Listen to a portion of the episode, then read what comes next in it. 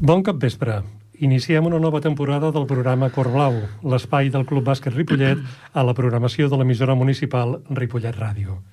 Vam néixer com una activitat del 90è aniversari del Club Bàsquet Ripollet i ja podem dir-vos que ens quedarem al llarg de la nova temporada radiofònica que avui iniciem, que per cert serà la dels 91 anys del nostre club. Comencem la nova temporada amb els sis equips del club preparats per saltar a les pistes al cap de setmana, d'aquí dos caps de setmana, que com veureu al llarg del programa eh, tindrem molta activitat, la gent del bàsquet de Ripollet. Després de més d'una temporada de sequera, les jugadores i els jugadors del club tornaran a jugar a l'esport que els agrada. La gran majoria de jugadores i jugadors seguiran sent blaves i blaus. I, a més, arriben al club noves incorporacions que reforcen les diverses esquadres. És una bona notícia, sens dubte. La diem, però, recordant que el temps de la pandèmia ens ha comportat pèrdues, com el Sots 25 femení. És una tasca pendent recuperar-lo, aquest equip, i potenciar el bàsquet femení perquè totes les nenes i dones que vulguin jugar a l'esport que els agrada puguin fer-ho als equips de la nostra entitat, els equips de Ripollet. Molta sort a totes les jugadores i els jugadors també a les tècniques i als tècnics, delegades i delegats, membres de la Junta i afeccionats del club. Totes i tots som necessàries perquè sigui possible la màgia del bàsquet. Des qui aixuga la suor a la pista amb la veieta a qui aplica les mesures Covid-19 passant per persones voluntàries i directius, directius i directives. Els àrbitres ja són a la pista i reclamen als equips per iniciar el partit. Xiulet i endavant. Comencem.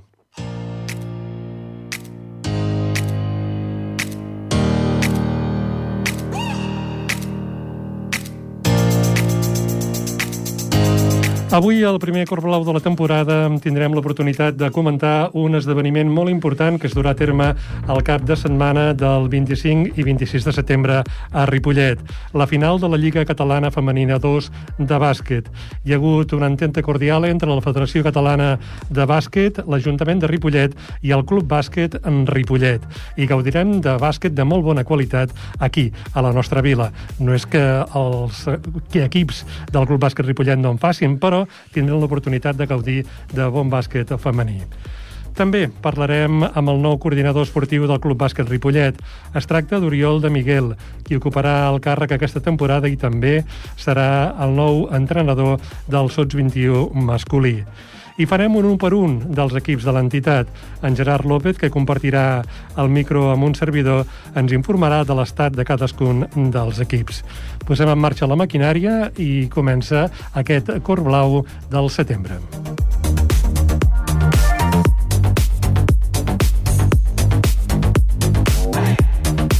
Perseguir els somnis d'una manera constant, amb il·lusió, sumant esforços i complicitats, comporta gairebé sempre bons resultats. El Club Bàsquet Ripollet es celebra aquest any el seu 90è aniversari i des de fa mesos, i amb el permís de la Covid-19 i les autoritats sanitàries, s'estan fent diversos actes per celebrar l'efemèride. Una de les activitats que ha format part de totes les planificacions ha estat dur a Ripollet, al Joan Creus, al nostre pavelló, la final de la Lliga Nacional Catalana Femenina 2 de bàsquet. L'Ajuntament, la Federació Catalana de Bàsquet i la gent del Club Bàsquet Ripollet han cregut en la idea i a principis d'aquest mes s'anunciava que el nostre poble acollirà la final desitjada. Es farà el cap de setmana del dissabte 25, dia en què jugaran les semifinals, i el diumenge 26 de setembre la final. Ripollet, doncs, viurà una festa de bàsquet femení en una gran final que encaixa amb una de les línies de treball del Club Bàsquet Ripollet d'impulsar el bàsquet femení al poble. Avui en, parlem, en volem parlar justament d'aquest fet i ho volem parlar amb la regidora d'Esports de l'Ajuntament de Ripollet, Andrea Guijarro. Benvinguda. Hola, bona tarda. Un plaer estar aquí i moltes gràcies per convidar-me. Núria Gorina, presidenta del Club Bàsquet Ripollet.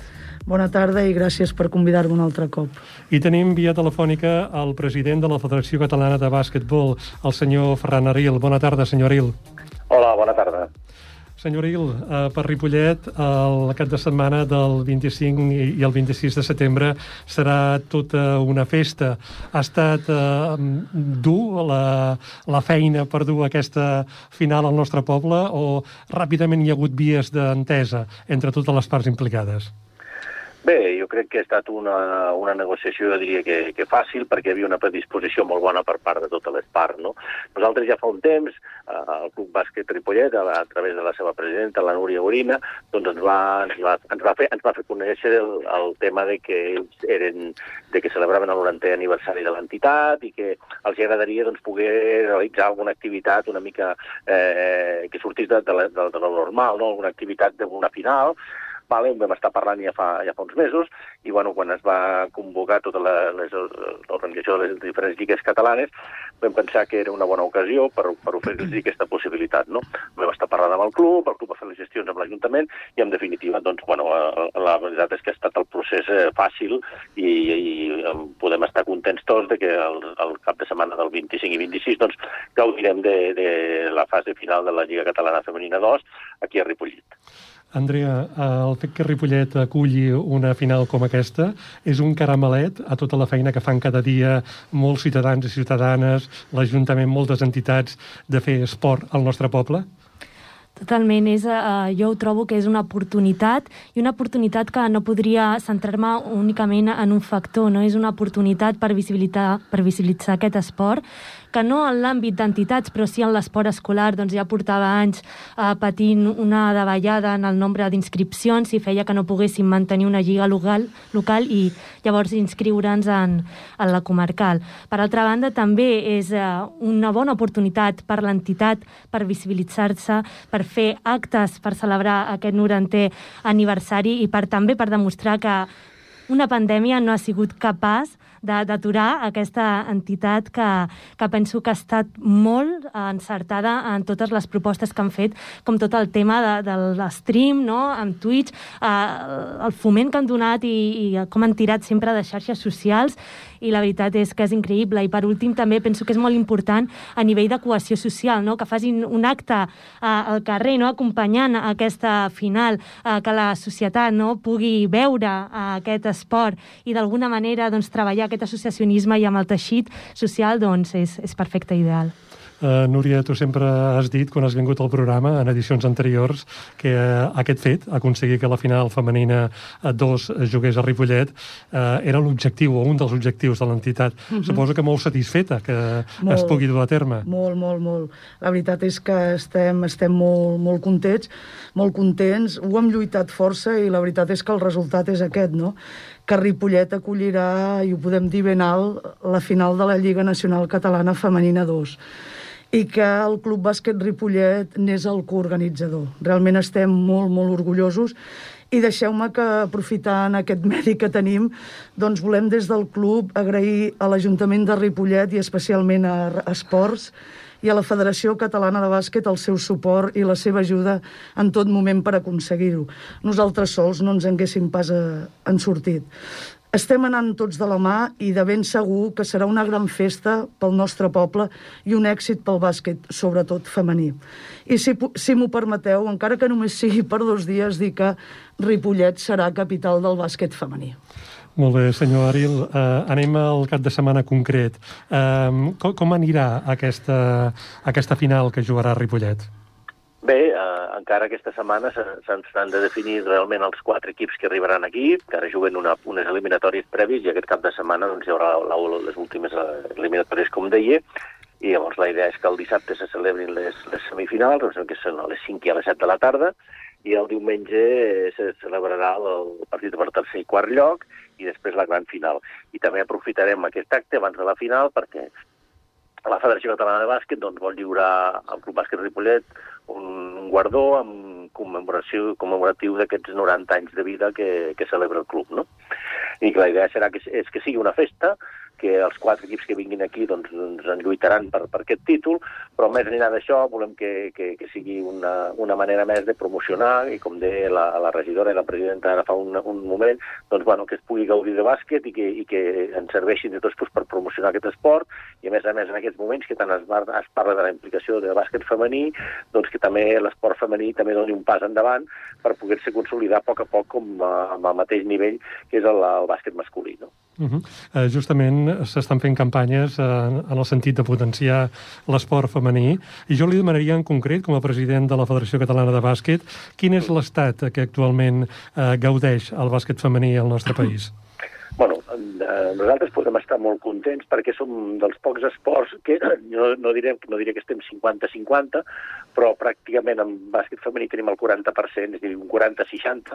La nostra idea és arribar algun dia a la paritat, però mm, sí que és cert que, sobretot en aquests últims anys, hi ha un increment molt important de jugadores i, de noies que, que estan practicant el nostre esport. No?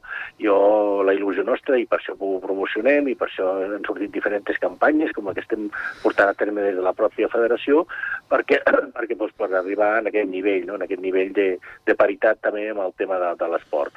Estem creixent, estem creixent molt, sobretot aquests darrers anys. La Covid ens ha impedit potser acabar de donar aquesta empenta que ens faltava, però bueno, ara ens tornem aquest any temporada, pensem que si les coses van normal tornarem a reprendre això i som optimistes perquè dic, cada cop eh, el bàsquet femení a casa nostra segueix creixent. Uh -huh.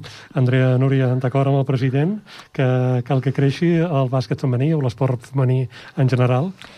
I tant, i també és hora no, de que les esportistes comencin a veure referents femenines perquè sempre tendim a reproduir rols no? I, i a buscar imatges masculines i jo crec que, a més, a Ripollet, no? que tenim a la, a la Lucila Pasqua, no? que tenim aquí referents potents i han de ser la imatge de, de les nostres esportistes i tant que hem de continuar amb aquesta línia. Núria, eh, tu tens com una espineta clavada, que sempre l'esmentes quan parlem a la ràdio, que és un equip femení que vam perdre eh, durant l'època de la Covid, el Sots 25. Eh, és una assignatura pendent que es treballarà fort des del club per aconseguir doncs, que es torni a tenir aquest equip i si cal més equips femenins tant, per arribar com a mínim a la paritat que demanava el president. I tant, i tant. A més a més, ja m'he apuntat el 40% que ha dit el president i nosaltres estem per sota. Per tant, ja no ho estem fent del tot bé, ens hem de posar les piles des de la Junta i, i, des, de, i des de tot arreu, no? Vull dir que tothom ens ajudi. I sí, home, sí, animar sobretot a les nenes i a les noies a, a practicar esport i, si pot ser bàsquet, doncs millor que millor, no? Uh -huh. uh, senyor Il, els clubs que, uh, vaja, permeten o tenen equips que, on hi ha bàsquet femení, doncs uh, es va reproduint en les seves esquadres la gran diversitat que té actualment al nostre país. Uh, vull dir, veiem jugadores uh, que són ciutadanes d'orígens diversos i variats. Vull dir, el, la, la part aglutinadora que té l'esport i el bàsquet especialment, doncs suposo que és molt important també perquè hi hagi un bon creixement de les nenes uh, i els nens que juguen doncs, com a persones, uh, fent un esport on conviuen amb moltíssima gent. Tot, tot, totalment d'acord, totalment d'acord. Jo crec que, que l'esport, eh, un, una de les, de les coses que té bones és aquesta, no? A, a, a l'ajuntar, aquí no hi ha, no hi ha nacionalitat, no hi ha idees, de, de, tothom eh, lluita per, un, per, per, per, per aconseguir un, un, un títol o per guanyar un partit, i, i crec que això eh, ens ajuda com a cohesió social moltíssim, no? I l'esport és una de les coses que té aquesta, no? Que, eh, aprendre a, a, a tractar, a, a, a parlar, d'alguna manera relacionar-se amb gent de tot tipus i crec que això és un, una de les coses que s'està fent molt bé i que és una eina integradora molt important per la societat. Mm. Per cert, senyor Il, vostè com a president de la Catalana ha tingut l'oportunitat de fer cap visita oficial a Ripollet? Doncs encara no, no perquè jo porto només un any de president i realment ha estat un any molt, molt complicat en tots els aspectes, sobretot el tema de la Covid ens ha tingut pràcticament, ara quan dieu que el club ha perdut un equip sub 25, però bueno, és que nosaltres com a federació hem estat pràcticament un any parats hem pogut fer poca cosa a partir de Setmana Santa cap aquí, però el que és l'activitat de, de competició doncs, pràcticament ha estat molt reduïda i realment ha, ha estat molt complicat eh, per tots nosaltres. Esperem que aquest any puguem, puguem començar amb una situació ja de normalitat, amb totes les mesures de seguretat que, i sanitàries que facin falta, però que d'alguna manera puguem ja tindre una, una temporada completa. Jo, evidentment, estaré a Ripollet el cap de setmana aquest per estar per, per conèixer el club més a fons i també, com no, per, per gaudir d'aquesta Lliga Catalana Femenina 2. Molt bé. Uh, justament uh, el tema de la Covid ha marcat moltes coses. La Núria ha fet un màster en atenció de Covid en tots els partits que ha jugat al Copa Catalunya, que té el Club Bàsquet Ripollet, de protocols, de prendre la temperatura, d'anotar la gent. I vaja, uh, li volíem preguntar a la regidora, però, a l'Andrea, uh, com tenim el tema de la protecció a la canalla, als joves, a les dones i homes que fan esport? Realment, la gent n'és conscient de que cal mantenir una sèrie de normes per poder jugar a, a l'esport que volen amb tranquil·litat? Jo crec que al llarg de la pandèmia això ho, ho hem demostrat més a, a Ripollet, eh, que l'esport es pot practicar i es fa de forma segura. Clar que hem tingut eh, alguns equips no, que han donat algun positiu d'altres entitats, eh, però a més ha vist que, que no s'ha no propagat, no? Per tant, eh, existien i existeixen no? unes mesures, sempre intentem anar en cura i penso, i penso que tots els esportistes, les juntes, els professionals, estan conscienciats de, de la gravetat i, i de la casuística d'aquesta pandèmia. Eh, no penso que la gent se'n vagi oblidant, tot i que ara amb, amb l'avanç com estem de vacunats, no? que anem, anem avançant, tenim més població uh, vacunada, sí que de vegades es parla, es parla d'una relaxació, uh, però Ripollet jo penso que podem estar contentes i, i segures de que aquí es practica un esport amb, amb seguretat. Molt bé. Um, senyor Aril, el cap de setmana del que juga la, la final de bàsquet femení a Ripollet, justament també és el cap de setmana que els equips del bàsquet Ripollet comencen a competir. Uh, són allò, una, una gran coincidència i bonica coincidència que farà que la gent del bàsquet de Ripollet s'hagi de multiplicar per arribar a tot arreu. Uh, com, com definiria el president uh, aquesta temporada que començarem, la 2021-2022? Hi ha bones expectatives? Sí, les expectatives són bones. Eh, després d'un any, com deia, tan complicat, realment estem sorpresos perquè, bueno, després d'un any, com dic, pràcticament parat, doncs eh, pensàvem que podia haver una davallada a nivell d'inscripcions i la realitat és que no ha estat així. Jo crec que estarem al mateix nivell de l'any abans de la, de la pandèmia. Per tant, eh, som molt optimistes. Jo només demano que puguem que torni la normalitat, no? Perquè si torna la normalitat, la gent en té moltes ganes, els clubs, els equips tenen moltes ganes, està, hem estat un any parats, ha estat molt dur per tothom, i la veritat crec que hi ha moltíssimes ganes de tornar a arrencar i de tornar més o menys a la normalitat. El bàsquet és un esport molt viu, amb més de amb 75.000 llicències al, al territori, i que això realment comporta molts partits cada cap de setmana i, i és el que volem tornar a, a viure, no? Tornar-nos a una situació com, com l'any abans de, de, de que hi hagués tota, tota la pandèmia. No? Som molt optimistes i la realitat és de que, tal com estan anant les coses, pensem que, que aquest any podrem, podrem tindre una temporada dintre del que ja normal, normal com diguéssim. I la regidora eh, és optimista per aquesta temporada? Podrem eh, retornar a poc a poc a la normalitat? Jo crec que sí, a més cada vegada no es van veient com ens anem obrint no, amb aquestes restriccions. Sí que de vegades costa una mica llegir la, la, la lletra petita, no? Quan parlem, per exemple, d'aforaments, parlem que el Joan Creus eh, té un 70% d'aforament, però la lletra petita diu que hi ha d'haver una separació de metre i mig. Um, llavors, hi ha coses no, que moltes vegades ens costa entendre i és complicat, però però bueno, jo sóc optimista, jo penso que les entitats hem d'anar també amb aquesta mentalitat d'optimisme i d'afrontar tots els reptes de la millor manera possible i penso que, que pitjor no, no, no podem anar, eh? Vull dir, amb el tema de pandèmia... Molt bé, la Núria riu i, i, i espera que la normalitat li, li llevi del damunt molta feina que ha hagut de fer com a responsable Covid i molta altra feina que s'ha hagut de fer des del club, perquè habitualment ja n'hi ha de feina. Sí. Però, a més a més, si encara n'afegim més, déu nhi uh, Ja per anar acabant, uh, senyor Aril, uh, al bàsquet hi ha una paraula que s'hi diu molt, que és resiliència, uh, és capaç de sobreposar-se a 50.000 situacions adverses, el Club Bàsquet Ripollet aquest any eh, celebra el seu 90è aniversari i s'ha sobreposat, per exemple, a una guerra civil. Eh, I ha anat tirant i afrontem el 91 any de la nostra vida. Eh, com valora el president aquesta efemèride?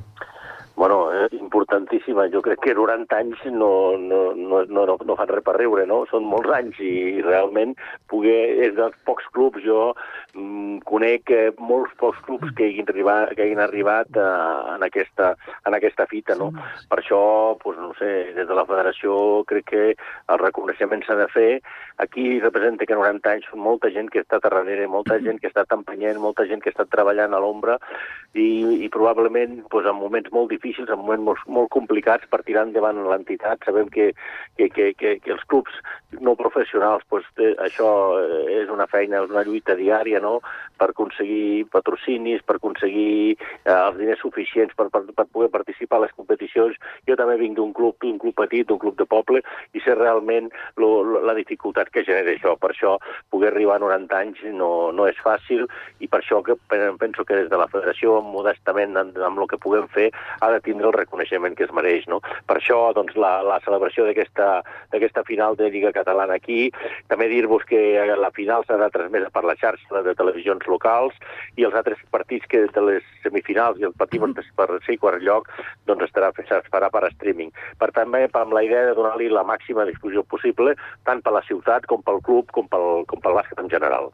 Molt bé. Uh, Andrea, no havíem parlat amb tu com a regidora des del govern municipal o des de l'Ajuntament, com a representant que ets de la ciutadania de Ripollet. Uh, com veus, uh, com valores els 90 anys d'aquesta entitat? Mira, penso que, bueno, primer de tot, doncs, felicitar, que jo penso que públicament encara no hem fet aquesta uh, felicitació. El treball que moltes vegades costa de dir, doncs, és gràcies a aquesta Junta, no, és, és gràcies al conjunt de totes les persones que han passat al llarg dels anys.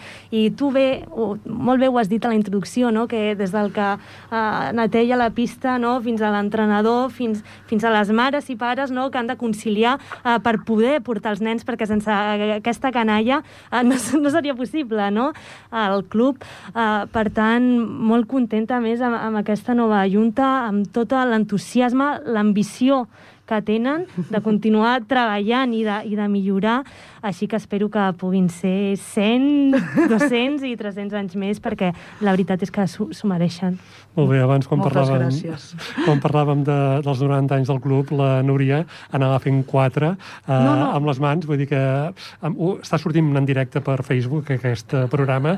Eh, hi ha molt pocs clubs a Catalunya que tinguin aquesta edat que té el nostre. Sí, a mi sempre m'han dit que no sé si devem ser el quart o el cinquè, però, però sí, sí, no n'hi ha gaires que tinguin una història de 90 anys, sí, sí. La veritat és que és un orgull. Però bé, és que Ripollet és el que alguns cops has dit tu, no? Molts cops la història de Ripollet eh, eh, es basa amb el bàsquet i el futbol, en- vull dir que ho podríem explicar a través del bàsquet i el futbol, no?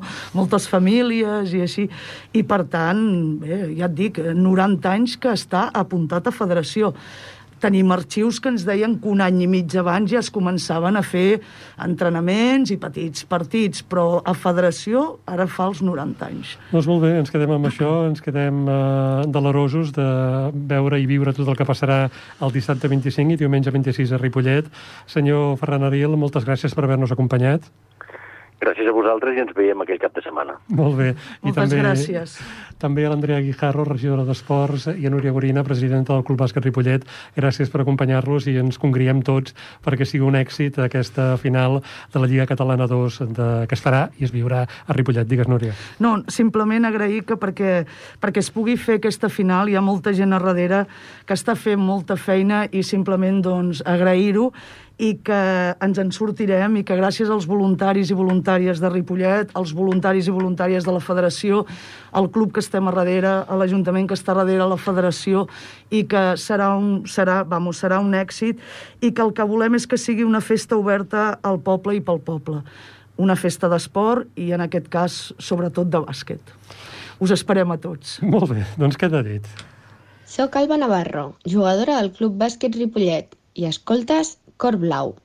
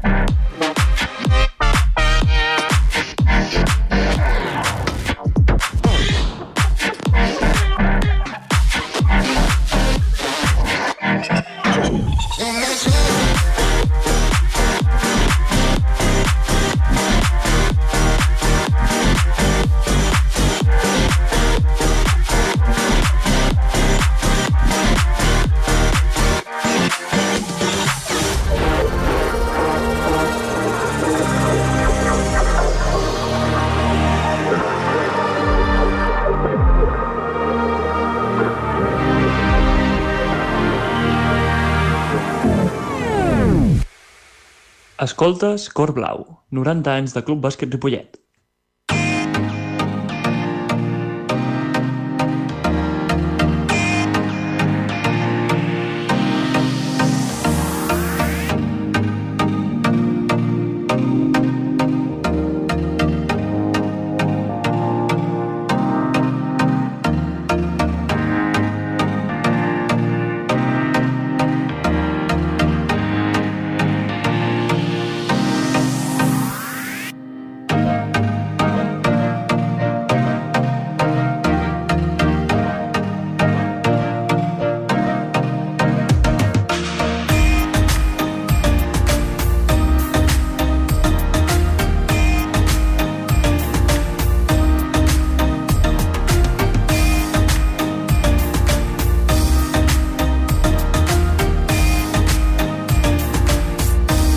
Escolteu Cor Blau, el programa del Club Bàsquet Ripollet a la sintonia de l'emissora municipal Ripollet en ràdio. Després del primer tema, aquesta fase, aquesta final, aquesta Final Four que es durà a terme a Ripollet eh, els dies 25 i 26 de setembre eh, i que serà de la Lliga Femenina la Lliga Femenina 2 al nostre poble. Anem ara amb una nova incorporació al Club Bàsquet Ripollet. Es tracta d'Oriol de Miguel, que s'incorpora com a coordinador esportiu. Va ser presentat a l'Assemblea Anual del Club, celebrada el juliol al Centre Cultural. En el món del bàsquet ha fet diversos papers de l'AUCA. Ha estat jugador, àrbitre i entrenador. En la seva temporada com a coach ha dirigit principalment equips de júnior a sènior al bàsquet Pia de Sabadell, tot un referent del bàsquet de la cocapital de la comarca. A Ripollet, a banda de coordinador esportiu del club, entrenarà el Sots 21 dels Blaus. Oriol, bona tarda i benvingut a Cor Blau. Hola, bona tarda. Eh, hem fet una feina amb les pinzellades del teu currículum en el món del bàsquet. Ens hem deixat res? Sí, molt bona feina, la veritat.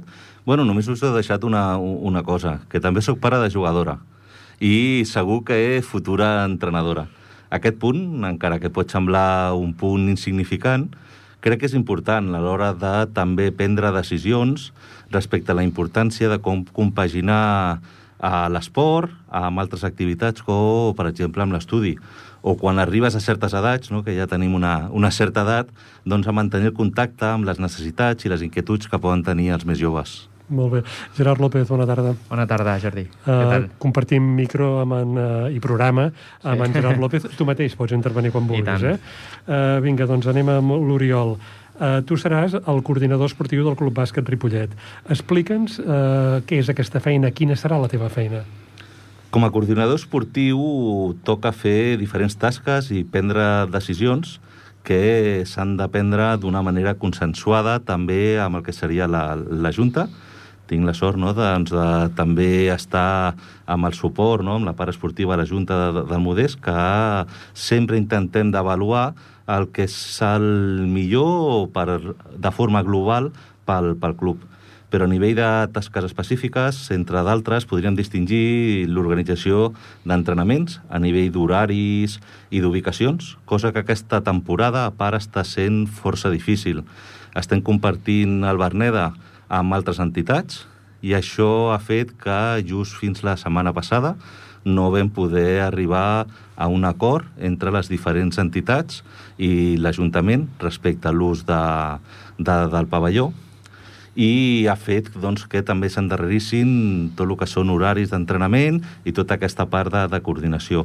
Aquesta part de coordinació amb l'Ajuntament també és una feina de les que també realitzo i en la part més esportiva entraria també l'organització de tot el que són rotacions i doblaments de jugadors i jugadores, que ja sigui per necessitats pròpies, per necessitats del club, o perquè tècnicament es pensa que per a la seva evolució pot ser profitós, eh, doncs cal també organitzar i que tothom eh, trobi eh, el seu punt just per poder evolucionar també com a jugador o com a jugadora de, de bàsquet. En resum, tot el relacionat amb la part esportiva del club i que faci referència a entrenadors i entrenadores o jugadors i jugadores. Es tracta, bàsicament, d'agreixar la maquinària del club per a que tot funcioni d'una forma més eficient per totes les parts déu nhi quina feinada, tot el que ens has explicat. I, I, a més a més, atenció, eh, pareu l'orella, perquè l'Oriol compaginarà aquesta feina, tota aquesta feinada, amb la d'entrenador del Sots 21.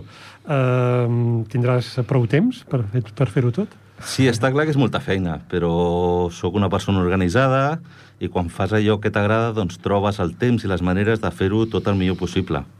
A part de dormir poc, també val, val a dir. A més a més, en el Soig 21 doncs, tinc el, el Gerard, que és un gran ajudant i que facilita molt la meva feina i la cohesió de l'equip, així que és d'agrair-te, Gerard, també la feina que estàs fent en el Soig 21. A tu, també. Mm, Gerard, ara que no ens escolta el coach, ara que ho ha fet uns quants entrenaments, és un coach dur o, o no? I tant. Sí? I tant, sí, sí. És Exigent? Un... co- Exigent? Sí, ex- exacte, exigent és la paraula. Dur no, és exigent.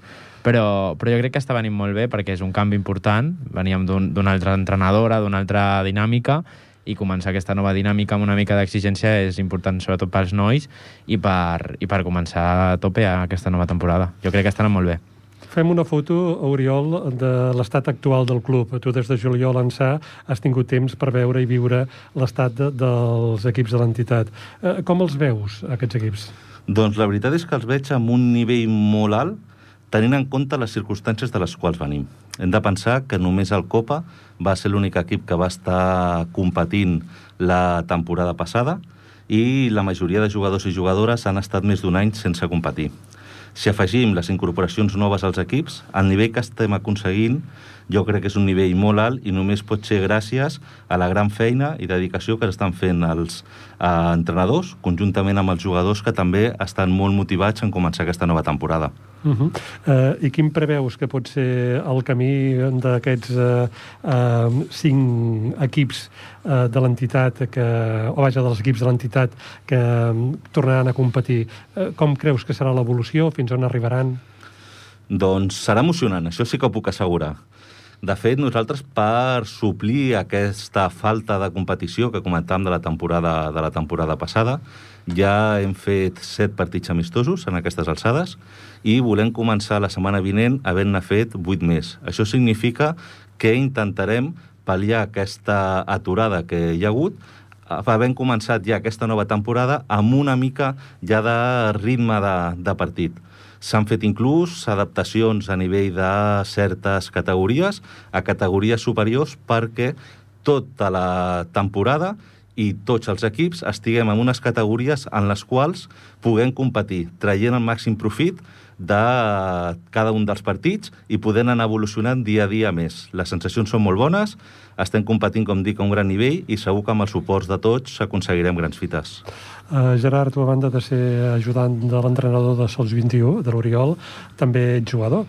Uh, oh, ja no ets jugador. Ja no. Ja no ets, vaja. No. T'anava a preguntar uh, si tens les bambes calentes de jugar aquests, aquests partits, diguéssim, de pretemporada, però creus que la gent que juga doncs, agraeix aquests partits de pretemporada per tastar-se, per veure com estan, com funciona tot? Jo crec que, que sí, hi havia moltíssimes ganes. És el que diu l'Oriol.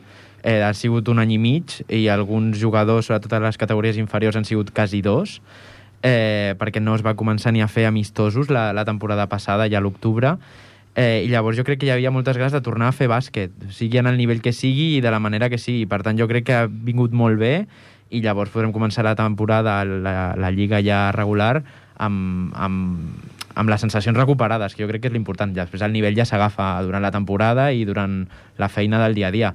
Però, però almenys la, la, les ganes de bàsquet, el mono de bàsquet, ja, ja està suplido. Iniciem la temporada amb les restriccions eh, Covid-19. Eh, creus que això afectarà el joc dels, nostres equips, acostumats a la pressió del públic del Berneda, el sisè jugador de molts partits, Oriol? Doncs el Covid no és que cregui que ens afectarà, és que jo crec que ens ha afectat completament ja des d'ara a l'inici de temporada, perquè inclús a nivell d'aquesta pretemporada, per exemple, estem anant amb molta cura en la preparació física per evitar lesions degudes a la falta de competició. I, aquest, i, a, i totes aquestes conseqüències del Covid crec que s'han de tenir molt en compte. Respecte al que comentes, estem començant amb restriccions d'aforament que fa molts cops que tinguem els mateixos seguidors de l'equip local que de l'equip visitant.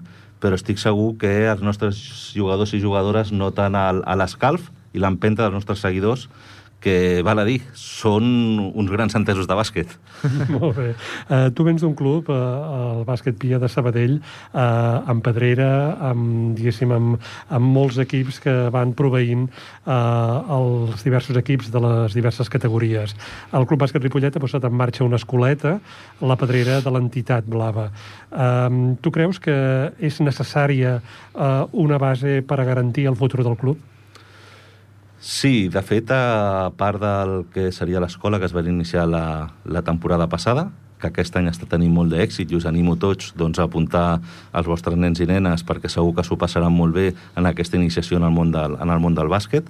També hem obert un segon grup de nens i nenes d'edats entre 10 i 14 anys, també per fomentar a, a doncs, aquesta iniciació o aquest perfeccionament en la part de, de l'aprenentatge del bàsquet. És vital generar aquesta pedrera tant a nivell de poder tenir un estil propi com a club, que pugui facilitar una evolució completa i planificada del jugador des de les categories inferiors fins després les categories superiors, com a nivell de sentiment de club. Quan tu estàs en un club des de que has començat amb unes categories inferiors fins que arribes amb un cop a cop tenir nosaltres, doncs això fa que el sentiment de club també augmenti. Ara bé, hem de tenir en compte que topem amb la problemàtica que comentàvem abans. Necessitem espais d'entrenament, aquests espais d'entrenament, eh, aquesta evolució quedarà totalment frenada i qualsevol tipus d'acció en aquest sentit ens haurem de repensar si després no podem proporcionar doncs, a l'entrenament que els nostres jugadors i jugadores necessiten. Molt bé, l'Ajuntament de Ripollet ha iniciat els estudis, sembla, per fer un altre pavelló municipal esportiu. Eh, la veritat és que assistint a la reunió, reunió que comentaves que vau dur terme amb les entitats per quadrar horaris, ja és prou estudi, prou evident, de que realment hi ha un gran problema de manca d'espais. A més, els equips del poble doncs, tenen èxit, han de jugar en uh, fòrums molt determinats i això condiciona que hi pugui haver un bon repartiment de pistes o que es pugui fer aquest repartiment de pistes. Però, en fi, esperem i confiem que la tasca dels polítics i de les entitats sigui bona i que aviat hi hagi solució. Segur. Acabarem posant en un petit compromís, Oriol. Aquest any el Club Bàsquet Ripollet celebra el seu 90è aniversari. Eh, quin és el futur que tu creus que li espera a aquest club? Com el veus? Doncs la veritat és que és un club de gent implicada, tant a nivell de jugadors, jugadores, entrenadors, entrenadores, com a nivell de Junta, tant la presidenta, que ara acaba d'estar també aquí a, amb nosaltres, la, la Núria, com el Salva, el Marc, el Modest, viuen al 100% al club. I això fa que es puguin portar a terme activitats, com la final de la Lliga Femenina 2 que, que comentàveu, però necessitem també la implicació tant de l'administració com tot el teixit de, de Ripollet per poder avançar i aquestes mancances que estem tenint doncs fer que es solucionin lo abans possible. Si no podem disposar d'aquests espais adequats per a generar aquest bàsquet de formació o inclús per també fomentar a l'esport o al bàsquet femení, que estem fent aquesta final de la Lliga Femenina, però en el nostre club tenim la meitat d'equips femenins respecte als equips masculins, doncs si no podem aconseguir tenir el mateix nombre d'equips, ens quedarem estancats i aquesta és la problemàtica bàsica que crec que ara mateix tenim, de que hem de fer un pensament en com volem evolucionar i en quins són els recursos que contem per poder evolucionar per no quedar-nos estancats. Queda clar que tenim molts deures per endavant. Uh, bona temporada, Oriol. Que Gràcies. tant de bo aquests, uh, aquestes fites que comentaven s'acabin assolint i garantim moltíssims anys més uh, la vida del Club Bàsquet Ripollet. Anirem veient-nos i suposo que ja parlarem en altres ocasions de com va el nostre club. Encantat. Nosaltres, gràcies per venir. Nosaltres, d'aquí un no res, una mica de música, aturem la maquinària, posem una mica de relax i després uh, el Sergi ens farà uh, un 1 per 1 dels, el Gerard. Sempre li canvio el nom. Sí, eh? no passa El res. Gerard López ens farà un 1 per 1 dels diversos equips de l'entitat, eh, com estan, si hi ha hagut incorporacions, si no, baixes. Ja podem avançar, fem una mica allò d'avançada, que el club eh, ha aconseguit generar que nous jugadors i jugadores vinguin a l'entitat com també entrenadors. Posem, fem aquesta pausa i seguim. Fins ara. Nosaltres escoltem Cor Blau. I tu?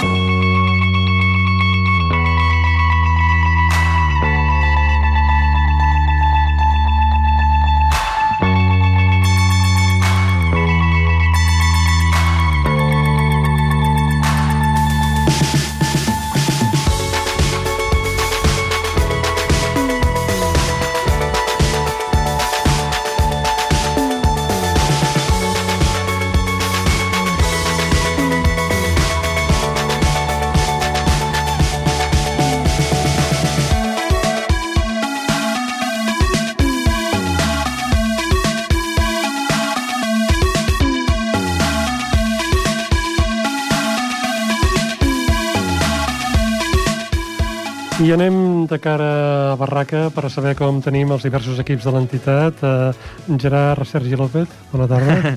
Bona tarda. Altra vegada. Sí. El Gerard López que comparteix amb nosaltres, uh, comparteix amb un servidor doncs, la locució d'aquest programa i en aquest cas en Gerard ha fet un informe sobre l'estat dels diversos equips del Club Bàsquet Ripollet. Quan vulguis, Gerard. bueno, primer de tot un plaer estar aquí una, una temporada més i, i que siguin moltes i que ens ho passem molt bé com, com l'any passat. Molt bé. Doncs bé, eh, el, el Club Bàsquet Ripollet, ja ho has dit tu abans, s'ha- renovat i a gairebé a totes les categories hem tingut incorporacions, també hem tingut baixes, però, però sobretot hem de destacar incorporacions.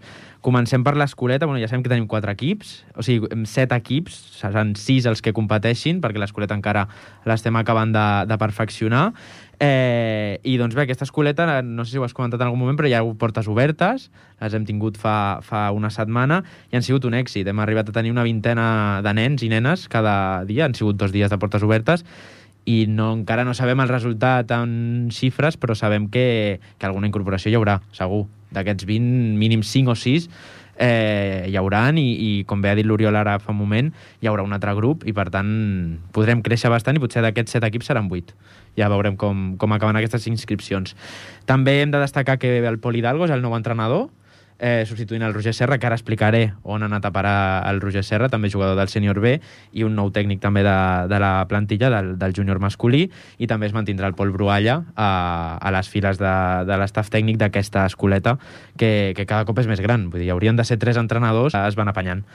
Al júnior masculí tenim sis júniors de segon any, que ja eren els júniors de l'any passat, però que no han competit a, a la categoria de júnior com a tal, per tant és el seu primer any oficialment com a júniors i han incorporat vuit incorporacions noves de diferents, de diferents entitats, tant del poble com de fora del, del poble, i per tant tindrem una, una plantilla àmplia. Són quasi 15 jugadors, eh, i ara explicarem com solucionarem aquest problema dels 15 jugadors perquè no... Ens explica, no, explica. ens ho explicarem. Ara mateix amb el sub-21 hi haurà Vinga. algunes combinacions.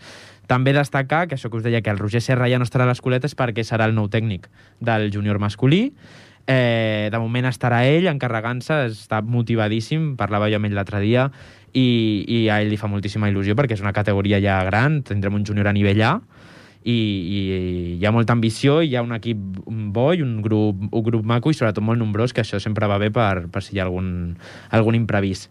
Pel que fa al júnior femení, tornem a tenir una plantilla àmplia, quasi 14 jugadores, amb tres incorporacions noves del bàsquet Sant Gabriel, tres incorporacions d'altres entitats d'altres pobles, inclús de, de Sant Cugat i de, del Gassó, eh, més les sis, em sembla que eren júniors de segon any, que ja, ja les teníem l'any passat, eh, per tant tornarem a tenir plantilla de 14 jugadores també en el júnior, en el júnior femení i mantindrem l'equip tècnic amb la Tània Lara i la Júlia Guil i la incorporació del Jordi Allepuz com a tercer entrenador. Molt bé. Ara anem al sub-21 masculí, que, com us deia, doncs, estarà reforçat per aquest júnior masculí d'una plantilla tan àmplia.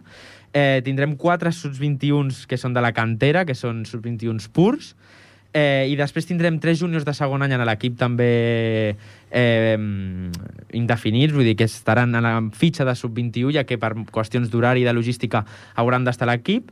Eh, I després tindrem rotacions d'aquests júniors de segon any que us he comentat que estaven en el, en el júnior masculí, que pujaran amb aquest sub-21 a reforçar i així també agafaran ritme de, tant de júnior com de sub-21, ja que l'any que ve ells seran els que, els que hauran d'estar sub-21 per edat i per obligatorietat de la fitxa.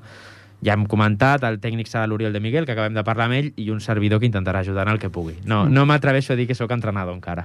Molt bé. Eh, I ara ja passem a les tres joies de la corona del, del club, que són els sèniors. Estarem en el sènior B masculí, amb tres reforços importants. Tots són reforços en el sènior masculí, en el sènior femení i en el sènior A masculí també. Eh, en el sènior B masculí tindrem el Jordi Puig, eh, que torna després d'un any eh, a, un altre, a un altre club, l'Adrià Elia i el Sergio Piñero, que són els tres exjugadors que tornen a les files del sènior B i tenim un, un recanvi per complet en el, en el cos tècnic, que tindrem a l'Albert Ortega i a l'Antonio Quirós, que són els dos jugadors del sènior masculí, que s'encarregaran de la part tècnica aquest any del sènior B, amb, amb un projecte molt ambiciós, també, eh, amb un nivell força alt. Crec que finalment serà una tercera catalana, que bueno, no està gens malament per, per la infraestructura que tenim aquí a, al club. En el sènior eh, a femení també tenim dos incorporacions, són la Marta i la Ayala i un nou tècnic, que és l'Edgar, l'Edgar eh, Paradell, i, i també molt bones sensacions en els amistosos que s'han jugat fins ara. Eh, tots han sigut victòria eh, i la veritat és que és que s'està formant també un, un molt bon sènior a femení, que veurem quins resultats té, però jo crec que és molt, molt prometedor. I ja arribem al sènior a masculí de Copa Catalunya, que ens va presentar a finals de juny, principis de juliol, el seu nou tercer entrenador, que serà el David Méndez, eh, i dos incorporacions de luxe, que seran el Jaume Villallonga i el David Ayuso, que són dos pivots eh, de, de Mollet, i em sembla que, que, que, el, que el David no, no me'n recordo ben bé de quin equip venia, però sembla que, que també havia jugat a Copa Catalunya forces anys, i per tant són dues incorporacions en el joc interior que eren bastant necessàries en el, en el sènior de Copa Catalunya, perquè, perquè joc exterior en tenim de sobres, però interior portàvem patint unes temporades perquè havíem tingut alguna baixa i, i, el, i el Raül i tot l'equip tècnic l'han intentat suplir. I doncs bé, la resta de la plantilla del sènior masculí completa com sempre, eh, hi ha també ajudes del sènior B, però bé, aquests reforços fan que el sènior B vagi una miqueta més tranquil, pugui jugar al seu joc i, per tant, el sènior A masculí tindrà plantilla gairebé fixa. Perfecte. Has tingut oportunitat de veure molts eh, partits de preparació d'aquesta pretemporada? Sí, vam veure... Ja portem dues setmanes d'amistosos. Hem fet... Eh, tots els eh, equips han jugat mínim un amistós. Aquesta, aquest cap de setmana, ja ho va dir l'Oriol, hi haurà vuit amistosos dels nostres equips en tres dies. Eh, bueno, de fet, seran dos perquè demà no hi ha partit. Vull dir, entre dissabte i diumenge jugarem vuit partits que també des de l'equip de xarxes es gira feina perquè cada partit l'hem de, de cobrir, però, però bueno, sempre és un plaer que sigui un 8 i no sigui un com, com l'any passat. I el nivell està molt alt, ho ha dit l'Oriol. Eh, tenint en compte d'on venim i tenint en compte el, el temps que hem tingut per preparar-ho i, per, i per tornar a agafar ritme, es noten les ganes de tornar a la pista, es nota l'emoció i, i és el que he dit abans, el nivell arriba amb la preparació i amb l'entrenament, però les ganes i la motivació de tornar a la pista, això només es podia recuperar tornant i ja hem tornat. Una setmana i mitja serà possible, tornar a trepitjar el parquet per jugar, per competir. I tant, i tant. Molt bé. Uh, escolta, de cara mm, a l'assistència de públic, les uh, restriccions seran les mateixes, no? Sí, de moment són, són les que teníem fins ara. He llegit que, que aquesta tarda s'han prorrogat una setmana més. Sí. Per tant, mínim una setmana més tindrem les mateixes condicions, però sí que és cert que, que en els partits d'aquestes categories inferiors l'aforament i l'expectació no és tan gran i, per tant, es permet que hi hagi una miqueta més de, de gent eh, sempre mantenint les distàncies, mascareta, desinfecció de mans i sempre fent un, un rastreig a la porta de tots els, els assistents. Però bueno, sí que és cert que la demanda que hi ha per entrar al sènior de Copa Catalunya no és la mateixa que hi ha per entrar al, al, al júnior masculí. Però, però bueno, almenys pot entrar gent, que ja sabem que l'any passat no hi podia gairebé, i, i bueno, esperem que d'aquí un mes o d'aquí un, mínim una setmana eh, pugui anar entrant més gent que ja sabem que és important. Molt bé, ens queden pocs minuts, un parell de minuts, poc més, per acabar el programa. Mm, Comentaves el tema de les xarxes. Eh, segueixes eh, estant eh, a les xarxes eh, amb la Rebeca. Eh, hi haurà novetats aquest any. Eh, tornarem a tenir en directe els partits eh, o no serà possible? Eh, com, com es planteja? Quin serà el futur del tema xarxes? Doncs bé, les xarxes continuem igual, impulsant-les al màxim. L'èxit de l'any passat doncs, ja el vam valorar a l'assemblea del, del mes de juliol. Va ser un èxit sense, sense precedents, perquè mai s'havien reactivat les xarxes del Club Bàsquet Ripollet així. Sí que és cert que aquest any les retransmissions les hem hagut d'aparcar per al moment. La Federació Catalana ens va avisar que els drets d'imatge eren seus i, per tant, podríem arribar a tenir problemes legals i no estaríem coberts i per tant hem decidit aparcar-les fins que hi hagi un protocol que se'ns va prometre que l'hauria des de la federació i així que de moment no, els, no, no tindrem partits en directe, però la plataforma MyPlay que està al pavelló Francesc Berneda permet emetre almenys la imatge i que tot aquell que no pugui venir eh, pugui veure el partit. I per la resta tot igual, projectes i idees noves que ja saps tu que la Rebeca sempre té al cap i, i jo amb ella, així que hem d'estar sempre atents a les xarxes del Club Bàsquet Ripollet que sempre passen coses. Perfecte, doncs ens quedem amb això, que estiguem atents, que acompanyem els nostres equips quan sempre. juguin partits de preparació i quan comencin la, justament uh, la temporada. Serà d'aquí una setmana i mitja. Sí, molt poquet uh, ja. Acabem el programa d'avui, el primer programa de la temporada. A dir-vos que el dissabte es repetirà aquest programa. Agrair a Jordi Puy a les vies tècniques el seu suport, com també a altra gent, als equips de Ripollet Ràdio, ràdio, i res, eh, tornarem al mes d'octubre ja el dia habitual. Adéu-siau. Adéu.